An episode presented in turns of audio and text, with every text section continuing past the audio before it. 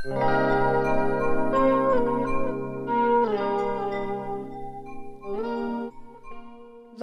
til vår podkast 'Hav, handel og helse' ved NTNU i Ålesund. Og navnet mitt er Annik Magerholm Fet, og jeg er viserektor ved NTNU i Ålesund. I dag så har jeg med meg professor Rasak fra Institutt for havromsoperasjoner og byggteknikk. Og han vil fortelle litt om sin spennende forskning knyttet til vann. Welcome, Razak. I'm very glad to have you here in the studio today. Thank you very much, and thanks so much for the invitation. I know you have a lot of exciting uh, projects within the area of water, and especially we have one uh, project called Smart Water with the Ålesund municipality. Can you please tell us about what this is, what this is about?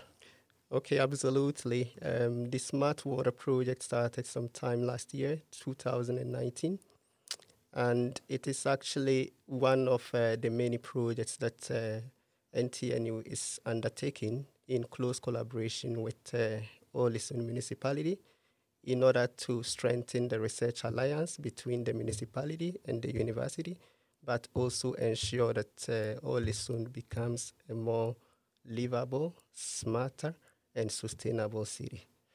What do you mean by smart water? do we do we get smarter? Become smarter when we drink this water? we get better when we drink the water, but of course uh, we are already smart uh, human beings and we keep developing. But basically, the overall aim of the Smart Water project is to provide decision support systems for all the municipality in order to ensure that they efficiently manage the water and wastewater infrastructure. Do we have enough uh, water at the west coast of Norway, and is it clean enough?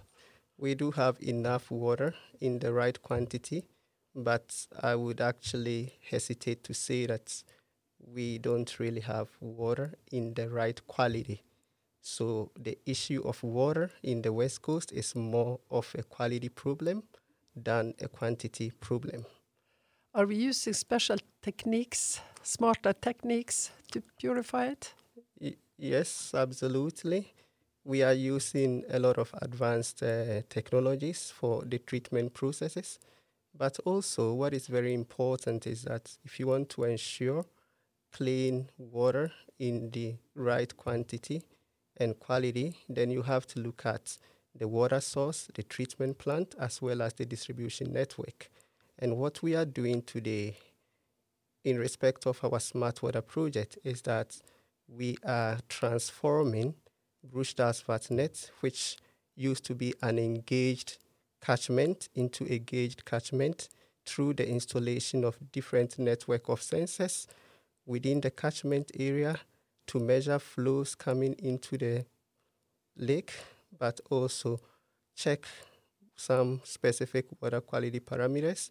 And everything is done in real time and the data it is, is transmitted to us here on campus. So we can actually develop a digital twin for Brustadvatnet and really understand it better can model it, simulate it, and visualize different scenarios associated with contaminants coming into the drinking water source. Uh, yes, so there is a model that you can follow the quality yes, of the water Yes, we can body. follow the quality of the water quality real time. And there are quite a number of sensors that we have installed uh, this year, and we are already receiving data from these sensors, which is giving us a better picture of Brustadvatnet. Because this is really very critical, because within the catchment, you have activities that can lead to the contamination of the water that would eventually affect the treatment processes as well as the eventual water that is treated. But how are you using this data for in the in the research activities here and also towards the together with the students? Yeah, I mean, um, in respect of the research activities, we are collaborating with the different departments. For example, the um, IKT department, but also the biological sciences and we are involving students in the projects in terms of the collection of data, but also utilizing some of the tools that we are developing in understanding the water supply system better. So there is this synergy between the research activities, but also the lectures or the education that we offer to the students.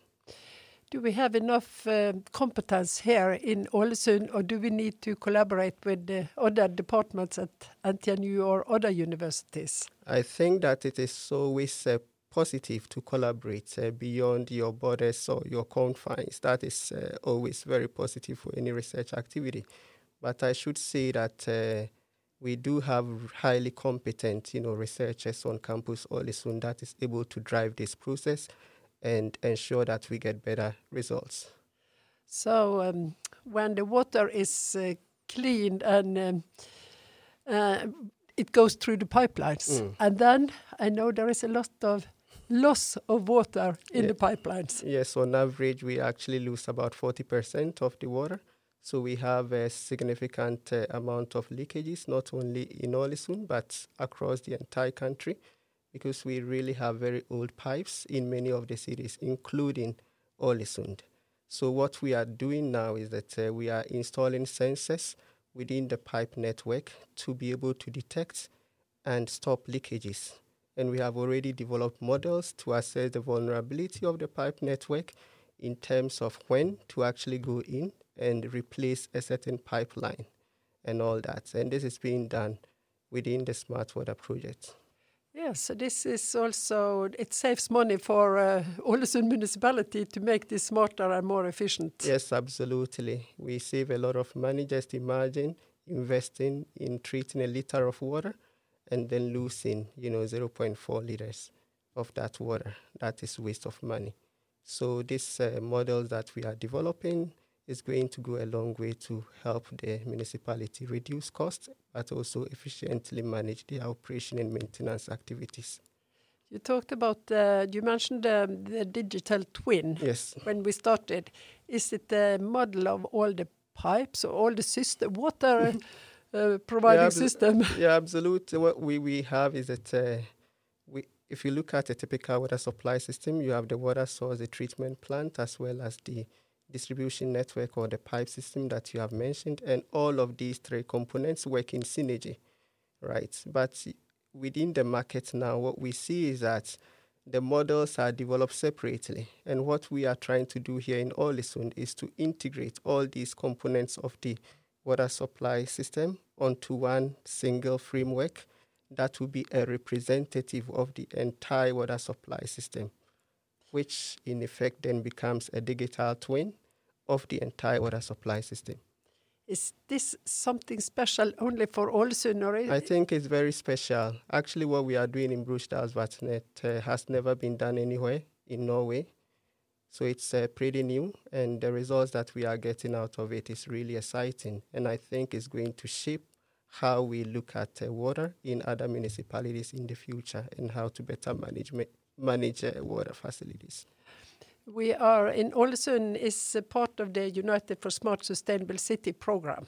And this is important uh, mm. for the mm. rest of the world as well. We know mm. that access to drinking water is one of the main challenges when we talk about uh, sustainability.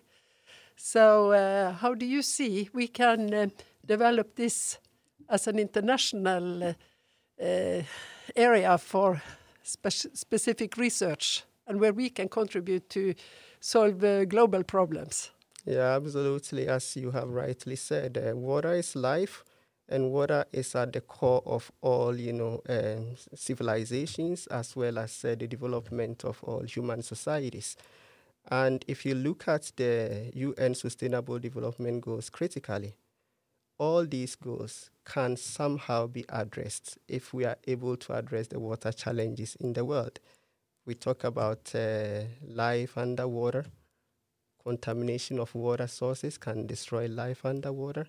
Women empowerment across the world. It is very tied to the availability of water, access to water.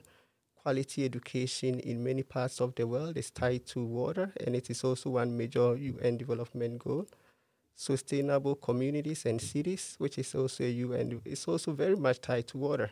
So, in my opinion, to really address the challenges of uh, what I mean, to address the UN development goals, if we are able to address water as an issue, then we'll be able to achieve most of the UN development goals. Is the um, is a small city, Mm. and uh, we l- lose uh, 40 percentage of uh, the drinking water in the Mm, pipes. mm.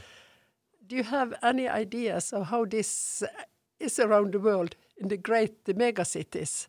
How, In the mega cities, um, it's in some parts of Europe, it's even uh, worse. Some cities actually lose up to 50%. And then, um, you know, it's a problem worldwide, especially in the mega cities. And I think that uh, developing technologies that can detect, localize, and stop leakages would actually go a long way into improving accessibility to water and also making sure that uh, we run the systems efficiently. What kind of recommendations do you want to give to people that uh, uh, uh, how to save water and how to, to take care of the, this important resource we have, the access to clean drinking water? I think that um, first and foremost, um, we have to see water as a resource and as a very important resource as such, because there are many who see water as, uh, you know, um, not so much an important resource, especially in uh, Norway and along the west coast. But this is a very critical resource. It's very important that we are saving it. And then, for example, we are using better technologies. Um, water saving toilets, for example, uh, better showering uh, facilities, and not, you know, overuse the water that we have. But also making sure that uh, whatever activities that we engage in is not contaminating the water sources, because this is really very critical. We see an increase in the contamination of uh, water sources across the country, and that has to be, you know, uh, addressed.